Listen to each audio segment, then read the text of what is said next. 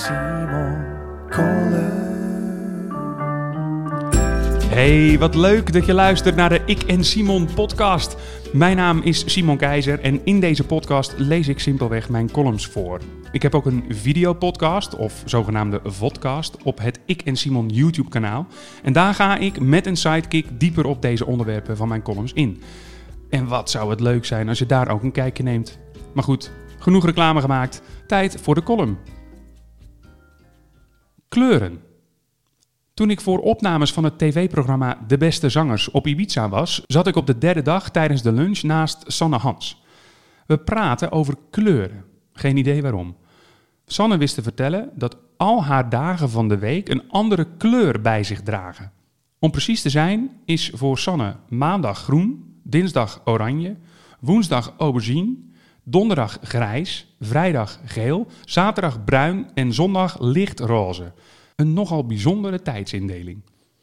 Het duurde een tijdje voor ik er zeker van was dat ze me niet in de maling nam. Toen voegde Diggy Dex zich bij het gesprek. Hij herkende zich hier voor de volle 100% in. Onderling kregen Sanne en Diggy een discussie over het feit dat voor Diggy donderdag blauw was. Huh? Nee, dat kan niet. Blauw? Wat raar, reageerde Sanne op Diggy. Raar, ja.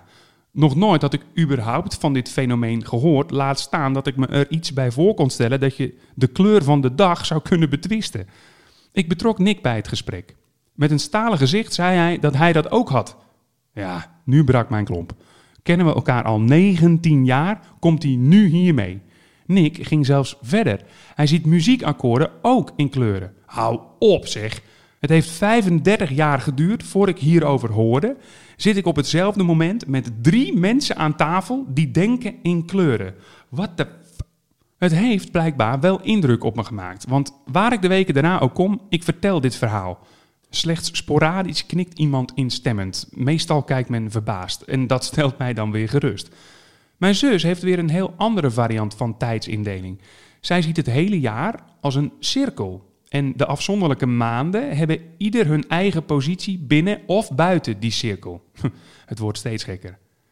Sanne vertelde dat ze zich zelfs weet te herinneren dat toen ze nog maar drie jaar oud was, ze al in kleuren dacht. Nu zitten Annemarie, Kiki en ik aan de keukentafel. Kiki is bijna drie jaar en likt aan een oranje lolly. Welke kleur heeft jouw lolly? vraagt Annemarie. Gloen? probeert Kiki. Nee. Bouw? Is Kiki's volgende poging. Nee. Gloen? checkt ze nog eens voor de zekerheid. Nee.